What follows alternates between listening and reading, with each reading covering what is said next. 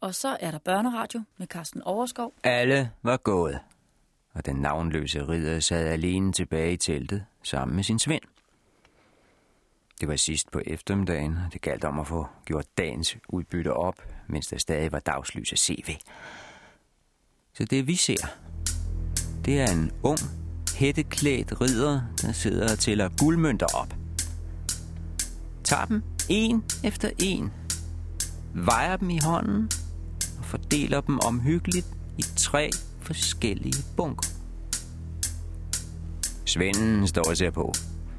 Han glaner noget, for så mange penge har han aldrig set før. Men han smiler lunt og lumsk. Den klarer vi sgu meget godt, siger han, da han ikke kan holde mund længere. Hans herre svarer ikke i første omgang. Dertil er han alt for optaget af at stable gulddukater og tælle sammen. 200, 250, 300. Ridderen kan ikke lade sig forstyrre nu. Rejsesfuld, hvis han skulle til at begynde forfra at tælle alle mønterne om igen. Nu gælder det om at holde fast på de sidste tal og nå frem til facit. 398, 399, 400. Gurth, de er der sgu. Vel er jeg afløs, Gurth. Men det begynder at hjælpe på det. Alle har betalt, hvad de skulle. Der er stadig retfærdighed til, og også en smule ærlighed. Det havde jeg sgu ikke troet. Her skal nye lyttere vide, at pengene stammer fra ridderturneringen tidligere på dagen. Den ukendte ridder sidder og tæller dagens præmiehøst op. Han vandt over fem andre i dag i Lansedyst. Og efter gammel skik, så kom taberne bagefter for at aflevere deres hest, deres rustning, deres svær. Dem skulle sejrherren have, officielt i hvert fald. I virkeligheden var der ingen, der kunne drømme om at give slip på deres ridderudstyr. Det var kun for et syns skyld, de kom slæbende med svær og rustning. Der var aftalt en fast sum i stedet for. Et standardbeløb i penge. 100 gulddukater i en skinpose, det var, hvad man betalte for et nederlag. Og nu kan vores unge ridder så konstatere, at ingen af de slagene har snydt på vægten. Der lå faktisk 100 dukater i hver de fire poser, altså 400 i alt. Den femte, han skulle ikke betale noget endnu, men det er en længere historie, den kan vi ikke komme ind på. Desuden har han vundet en ny hest. En prægtig stridshængst fra de kongelige stalle, fordi han var ind som dagens nummer et. Det er altså dagens høst. Han var startet fra 0 om morgenen. Ejede ikke en klink. Hesten lånt. Harnisken lånt. Lansen lånt. Kun sværet var hans eget. Han var virkelig ridder arveløs, som han kaldte sig selv. Fattig og ukendt. Men nu... Nu har han sin egen hest og 400 gulddukater på lommen. Og han er slet ikke så ukendt mere. Han har slået sit navn fast i dag med syv tommer søm. Det vil sige, folk ved stadig ikke, hvad han hedder, men berømt, det er han. Folk inde i Asby taler ikke om andre end ham i aften. Utroligt, som tingene kan skifte på det enkelt døgn. Så sent som i går aftes stod han uden tag over hovedet og måtte gå fra dør til dør og tække om ly for natten. Så sent som i morges måtte han flygte fra et lånt logi og rakke rundt under bar himmel som en jaget mand. Men nu... Nu sidder han under en solid teltdu, og det telt er hans eget, ikke købt for penge, men vundet velfortjent. I nat behøver han ikke sove under stjernerne. Nu er han selv blevet stjerne. I nat kan han gå til sengs i en mesters telt og vide med sig selv, at det mesterskab blev vundet i ærlig kamp og med disse hans egne hænder. Men det er alt for tidligt at gå i seng nu. Dagen er ikke omme, før midnatsklokken slår. Og slet ikke, når historien hedder Ivanhoe.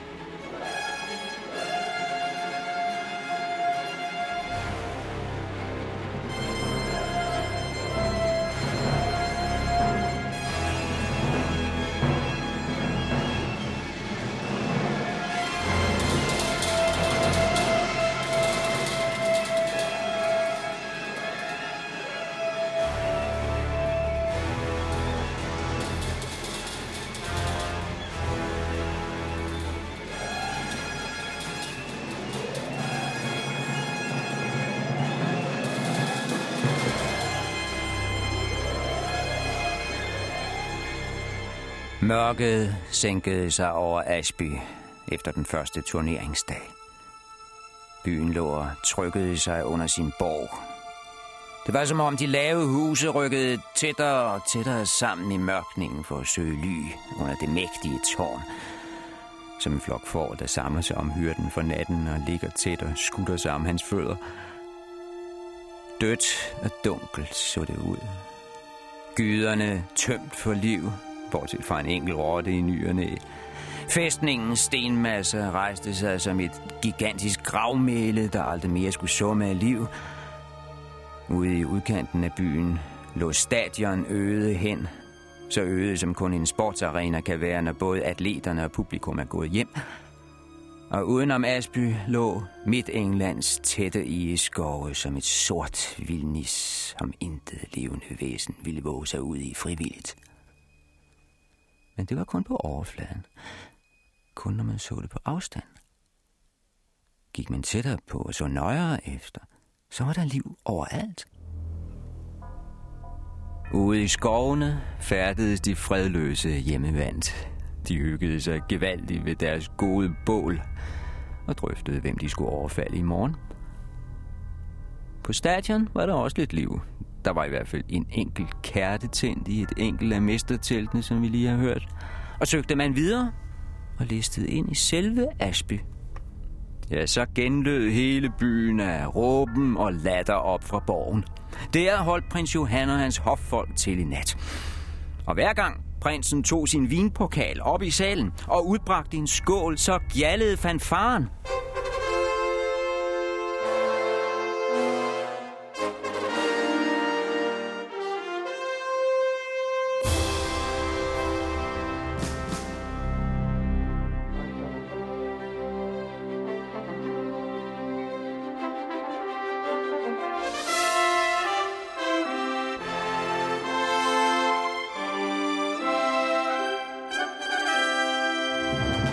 Og det skete cirka hver femte minut, for prins Johan ville ikke stå tilbage for nogen. Heller ikke, når det galt om at få edle dråber sat til livs. Knap så mundret var der nede i byens herberger, for der sad alle de ridere, der havde tabt i dag. Mange en stor landsekæmper søgte ly for folks hånlatter på skumle kammer, hvor de gennemled deres nederlag i ensom majestæt. Men heller ikke de. Lovinen blive i karaften, hvad har man drikkevarer til, hvis ikke til en sort aften som denne? Og snart lød der sang og skrål, selv for det mest triste hummer. Ganske mærkværdige sange, mange af dem, hvor det var svært at få hoved og hale på teksten, og hvor også tonearten kunne være vanskelig at fastslå. Men sådan går det tit med fortvivlede sange, fremført i dyb, dyb lidelse. De er ofte til endnu større lidelse for lytteren.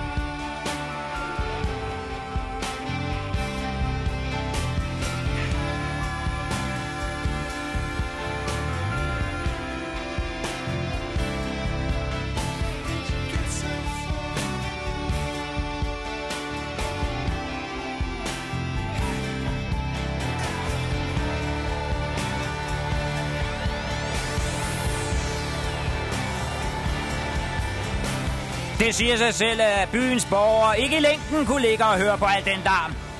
Du er ikke til at få lukket et øje for de besejrede ridere, der stank drukne vrælen.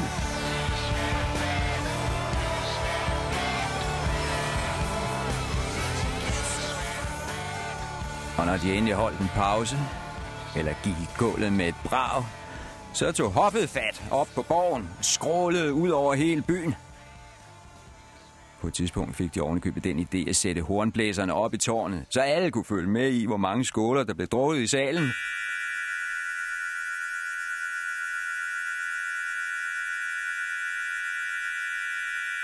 Det var yndigt.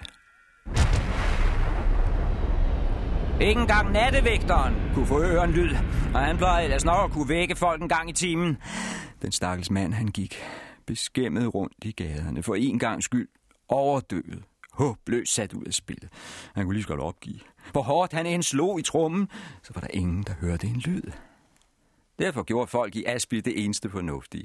De stod ud af deres senge igen og begyndte selv at drikke. For når de fine kunne mundre sig, så kunne de også. Hvorfor skulle almuen stå tilbage? Når hoffet kunne skære ud, så kunne håben vel også. Når vintønderne fik ben at gå på, så skulle øltønderne vel også have lov at springe.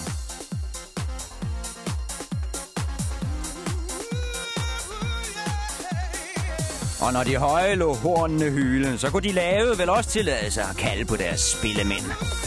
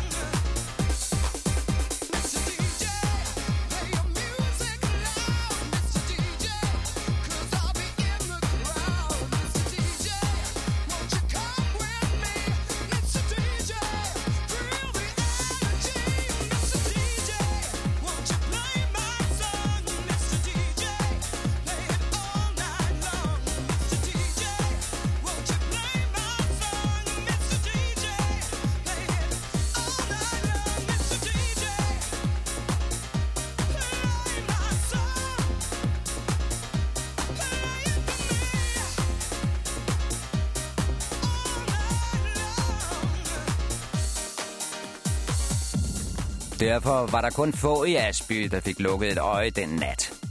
Et par børn måske, men det er jeg ikke engang sikker på. For selv den, der ikke drak, de havde grund til at våge. Jomfru Rovena, for eksempel. Hun ville have været lysvågen under alle omstændigheder. Hendes følelse var for hede. Det var hende umuligt at finde hvile med alt det, der var sket i dag. Ikke alene var hun blevet kåret som årets skønhedsdronning. Men det kan jo holde enhver pige vågen. Hun havde også en kraftig mistanke om, hvem det var, der havde kåret hende.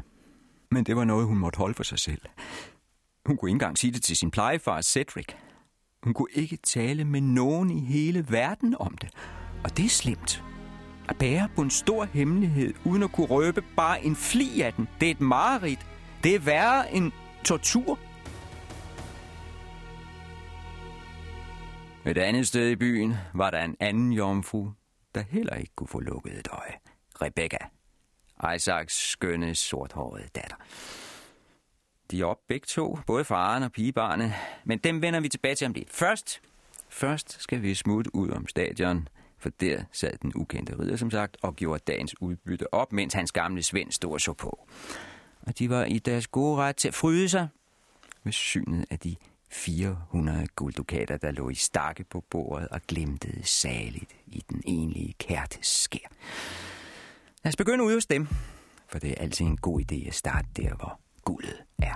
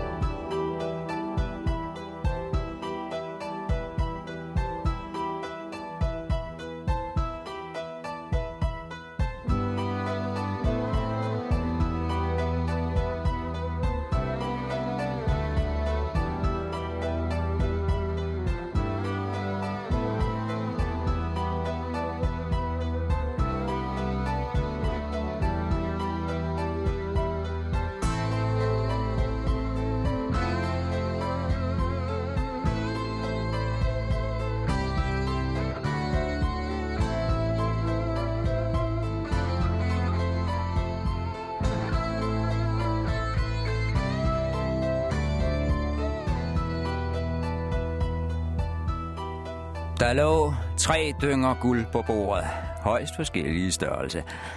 Den mindste dynge var på 10 dukater, den største på 300. Så kan I selv regne ud, hvor mange dukater der lå i den midterste. Værsgo, sagde vores navnløse ridder og skubbede den mindste stak over mod sin svend. 10 dukater? Hvad siger du så? Er det ikke en flot løn for en svinehyrde? Jo jo, jamen, jamen bestemt, mester. Og så har du ovenikøbet træl. Det er vel ikke hver dag, I får lov til at holde en guldmønt i hånden? Nej, sagde Gurthor. Rystede så modigt på hovedet. Det, det, det er helt overvældende. Men han tænkte sit. Godt nok var han kun træl og svinehørte, og ikke rigtig væbner. Og godt nok var de gamle venner af ham og den ukendte ridder, men så billig skulle fyren ikke slippe. Sølle 10 dukater, tænkte Gurth. Nå, resten må komme hen ad vejen. Hvor guld er, kommer mere guld til. Det vidste han. Man skal bare give agt på strømmen, og er til tappe en smule til eget brug. Diskret selvfølgelig, men i ny og næse stikke lidt til side til sig selv. Når det regner på præsten, så drøber det jo på dejen, og så videre, så videre, så videre. Men han smilede skam pænt og sagde tak til sin ridder. Det er næsten alt for meget.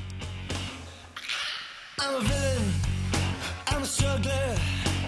A victim of the sis, I'm a griper, I'm a chief moaner, I'm vicious, I'm a putrefying sloven. My girlfriend, she's a hooker, she cheats on me now, haven't learned the art of forgiveness somehow. I'm power, so I beat her when she gets here,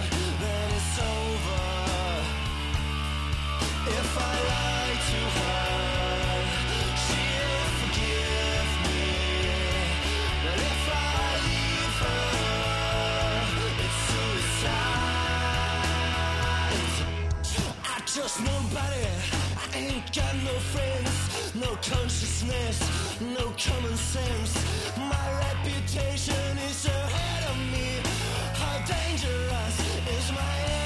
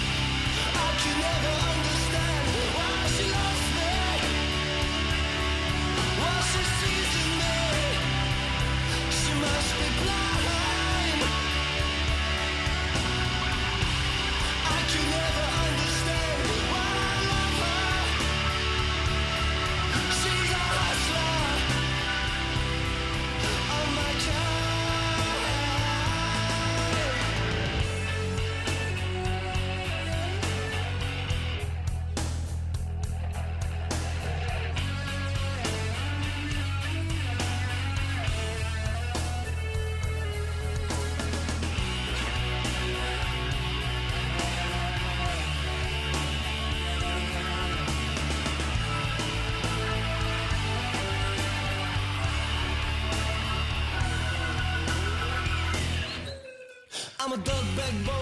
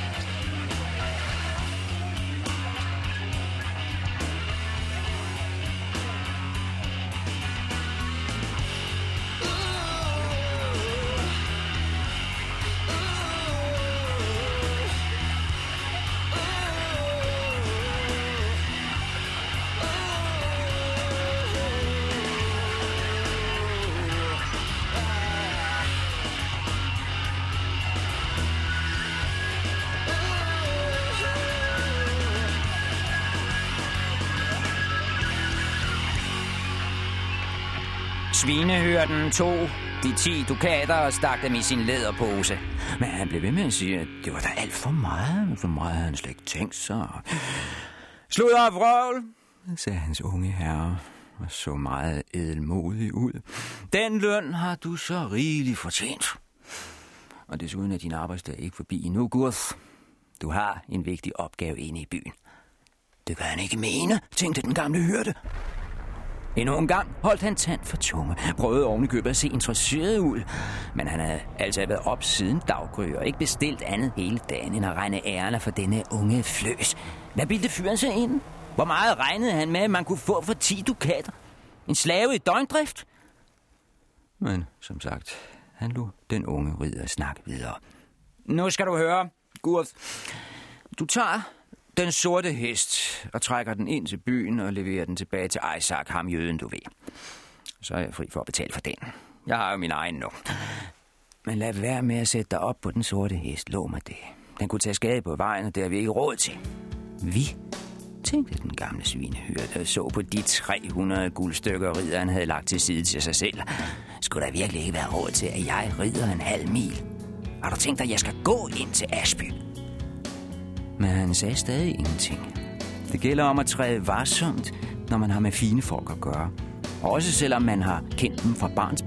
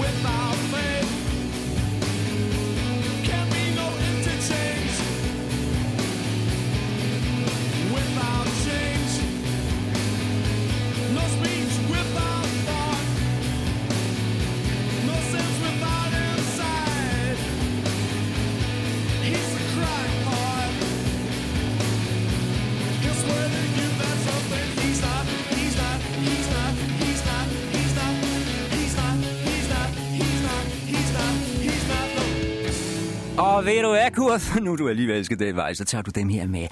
Ridderspiren pegede på den midterste dyngeguld. 90 dukater har jeg regnet det ud til. Dem går du ind med til jøden og siger, at altså hesten, den kan han beholde. Men jeg vil gerne købe rustningen. Den han lånte mig i morges. Den er sådan lige tilpas, synes jeg. Den, den beholder jeg. Og jeg mener altså ikke, han kan forlange mere for den end, end de der 90 dukater.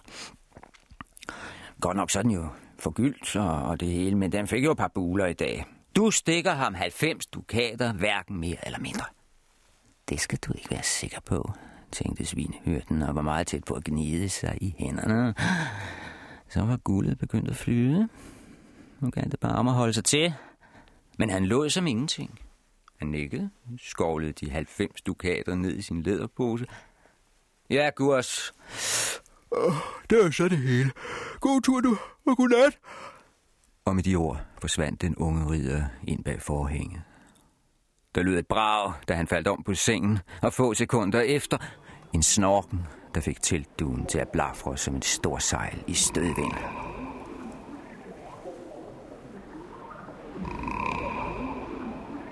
Fulfill your ambition. Fulfill your ambition.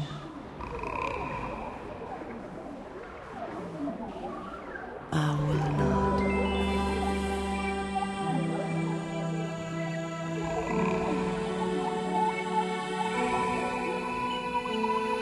I will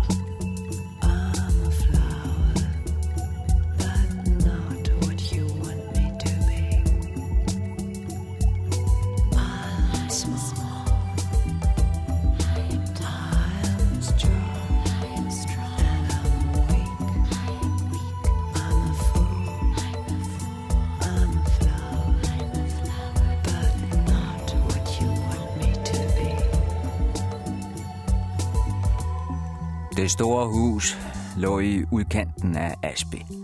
Lidt for sig selv. Ikke som byens andre huse, der stod og støttede sig til hinanden skulder ved skulder og dannede tætte gyder.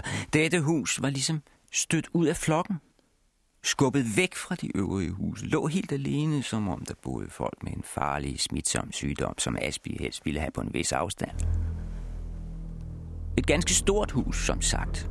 Tre stokværk men bestemt ikke prangende. Tre etager i solidt tømmer med tegl imellem. Ingen pynt ved indgangsdøren. Intet smedejerns udhæng med forgyldt skilt. Intet, der røbede, hvem der ejede dette hus, eller hvilket håndværk beboerne havde. Udad til et helt anonymt hus. Det var først, når man trådte indenfor, man opdagede forskellen. Ja, man skulle faktisk helt op i andet stokværk og ind i stuen, før man stussede og tænkte, jamen, er det her England? En skrivepult ved vinduet, ja. Men ikke noget egentlig bord. Ingen bænke, ingen stole. Blot forhøjninger langs væggene med puder på, hvor man muligvis kunne sætte sig normalt og beholde fødderne på gulvet. Men var de puder må ikke snart egne til at lægge sig på og slange sig henslængt og slapt. De puder så betænkeligt bløde ud. Alene denne malighed var et særsyn. Det var uhørt. Det var i strid med al god skik nord for alberne. En stol. Den skulle være stiv som et bræt, så ingen var fristet til at blive siddende for længe gang. Og var man så sløv, at man absolut ville ligge ned, ja, så måtte man vente til sengetid. Men i denne stue var det anderledes. Her lå der puder og hønder hele vejen rundt. Puder i snesevis. Hele forhøjningen var dækket af puder. Her var sådan ingen, der risikerede at blive øm bag i eller få træsplinter i enden, som det tit hentede i England på den tid. Alle disse bløde puder. Og hvilke puder? De var gyldne, de var røde, de var blå, ja, endnu grønne. Og væggene beklædt med tæpper i samme farver. Og det vil sige stort set alle de kulører, en regnbue kan komme op med. Helt klart et østerlandsk rum her midt i det mørke England. En sal hentet ud af 1001 nats eventyr, fløjet 100 mil nordpå og anbragt i en dunkel flække ved navn Asby. Og hvem tror I, vi finder henslængt midt i hønderne?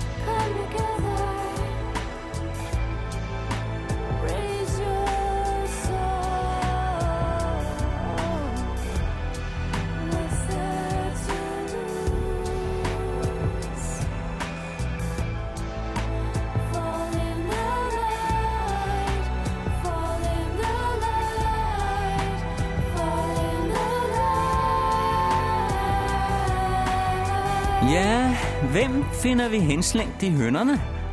Hvem andre end Rebecca, den smukke jødine, som vi kender så godt. Den pige, prins Johan har savlet over hele dagen. Og man forstår ham for så vidt godt, hvis man har en smule sans for Sydlands skønhed. Men jeg får mig ikke til at gå nærmere ind på hendes udseende, som hun lå der i hønder og i puder, badet i det gyldne skær for olielamperne. Vi har tidligere beskrevet Rebekkas udseende i alle detaljer. Så savlig, som det nu engang er muligt, når der er tale om ynder som hendes. Og jeg ser ingen grund til at gentage, hvad der er indlysende for enhver, der er fulgt med i historien på første færd. Nej, lad os prøve at løsrive blikket fra Rebecca et øjeblik og se os om. Hvem var der ellers til stede i stuen? Hvem finder vi ved skrivepulten? Hvem andre end hendes far Isaac fra York? Og hvad må de drøfte, far og datter, i denne sene aftentime, hvor det kristne mørke ruer udenfor, og hvor stillheden kun bliver brudt af fjerne fanfarer op fra borgen, og de berusede brøl inden for byen. Hvilket emne er de optaget af just i denne stund? Den ukendte ridder, naturligvis. Vil han komme igen? Med hest og rustning, de ting han lånte i morges. Husker han må levere det tilbage? Det er, hvad de taler om. Og ikke uden ængstelse. Må han nogensinde vise sig igen? Kunne det tænkes, at dagens sejre har gjort ham så hoven, at han glemmer, hvem der stillede udstyret til rådighed? Vil han holde sit ord? Eller svigter han sine jødiske venner, nu hvor han har nået toppen? Det skulle ikke undre dem. Hverken far eller datter venter sig den store trofasthed fra kristens side. Hvor kort den rækker, det ved de af bitter erfaring. At stole på en gård, det er som at lægge lykken om halsen på sig selv. Men håbet har man da lov at have. Og de håber begge, at ridder arveløs husker på dem i denne stund. Eller en gang i morgen. Eller i hvert fald på et eller andet tidspunkt kommer i tanke om dem og dukker op med den hest og den rustning, han har lånt. Bevares. De har hver deres grund til at håbe. Rebecca tænker måske mest på manden bag rustningen. Den mand, hun så sejre så suverænt i dag, siddende på hendes sorte hest. Mens farmand mere tænker på selve rustningen, for den er unægteligt temmelig kostbar. Håndsmedet i Milano er Europas førende harnisk mager. Guld indlagt. Hjelmen, der matcher til. Et unikum. Findes ikke mage til i hele Europa. Ikke noget, man sådan lige forærer væk til den første, den bedste arveløse fløs. Så jo, der står meget på spil, både for gamle Isaac og for hans billedskønne datter. Intet under, at de far sammen og ser nervøst på hinanden, da de hører hestehår ude på vejen. Og ikke sær, at de hiver efter vejret begge to lidt efter, da der lyder kraftig bank nede fra gangdøren.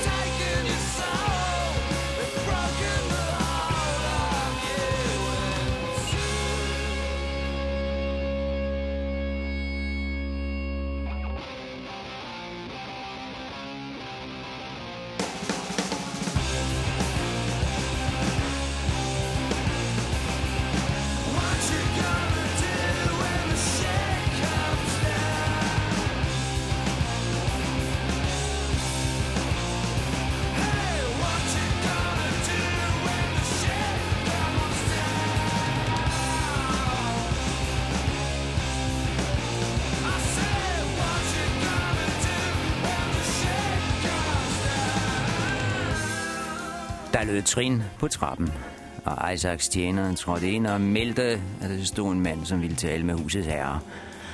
Ja, jamen hvem? spurgte gammel Isaac. Han kunne ikke styre sin nervøse iver. Ja, hvem? spurgte Rebecca. Det kunne hun heller ikke. En mands person, svarede tjeneren, og så sænkede han stemmen. Umuligt at se hvem, for hovedet er skjult i en gammel beskidt pelshue. Og han stinker som et svin, bogstaveligt talt. Så er de advaret. Man skulle tro, han kom lige fra grisestallen. Aha, mumlede Isaac, men han lød temmelig skuffet. Faktisk skulle han lige til at bede tjeneren smide manden på porten. Den nysgerrigheden alligevel sejrede over skuffelsen. Ah, det får være, sagde han. Vi jøder må tåle stanken fra slagteriet, bare vi slipper for at smage på flæsket. Hvad rører vi sammen ind? Hm, så gerne, sagde tjeneren. Men det var med alle tegn på afsky og lede. Han åbnede døren på hvid gab og lod den natlige gæst slippe indenfor. Og selv forsvandt han hurtigst muligt med to fingre klemt sammen om næsen.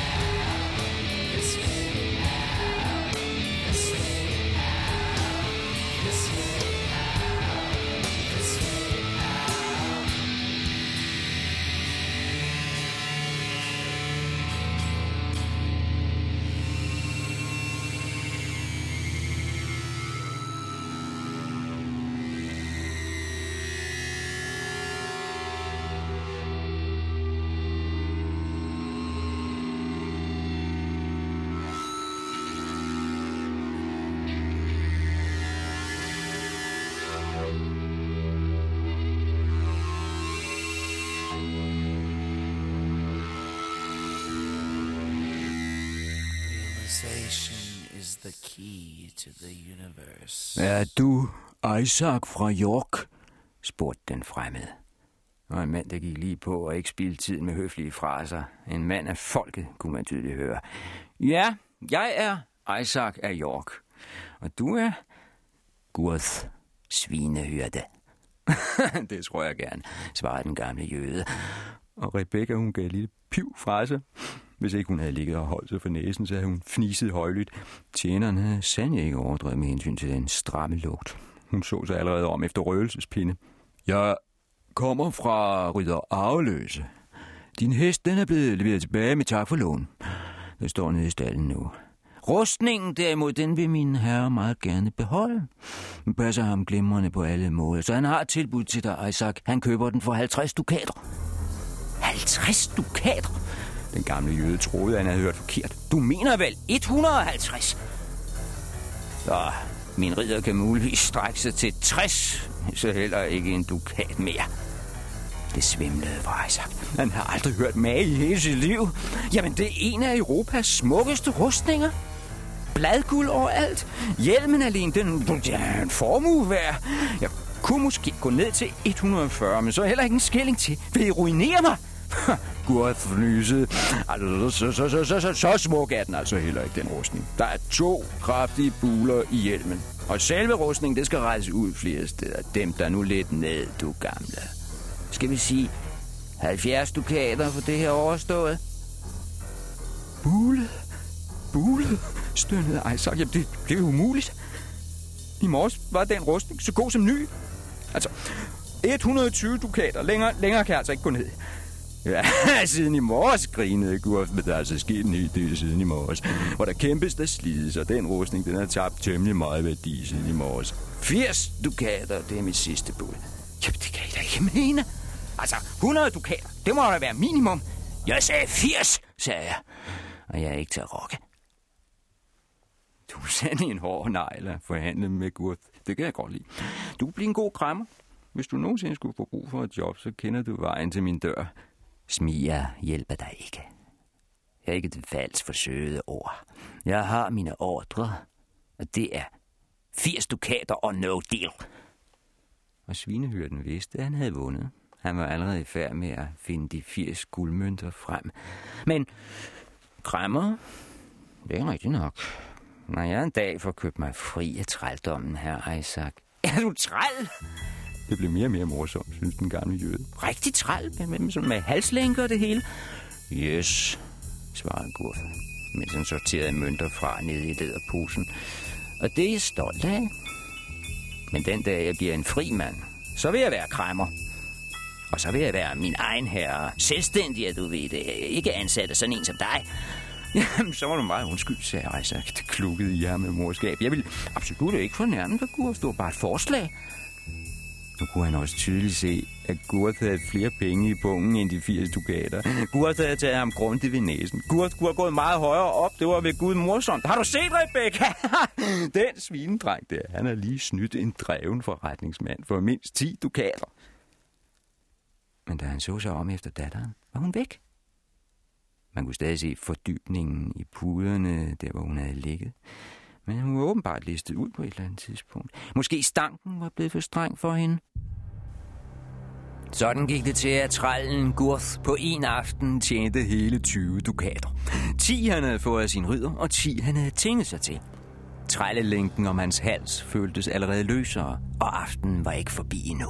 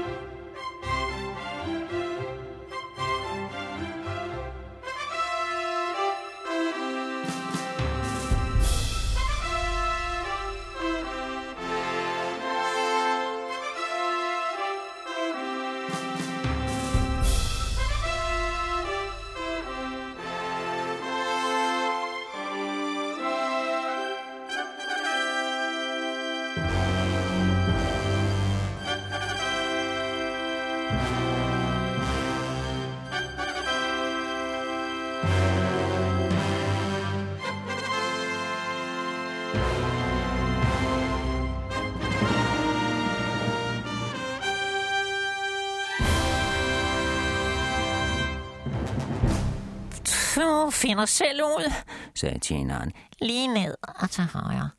Han så absolut ingen grund til at følge Gurt ned ad trappen. Jo større afstand man kunne holde til den stinkbombe, jo bedre. Så svinehyrden måtte selv føle sig frem i mørket.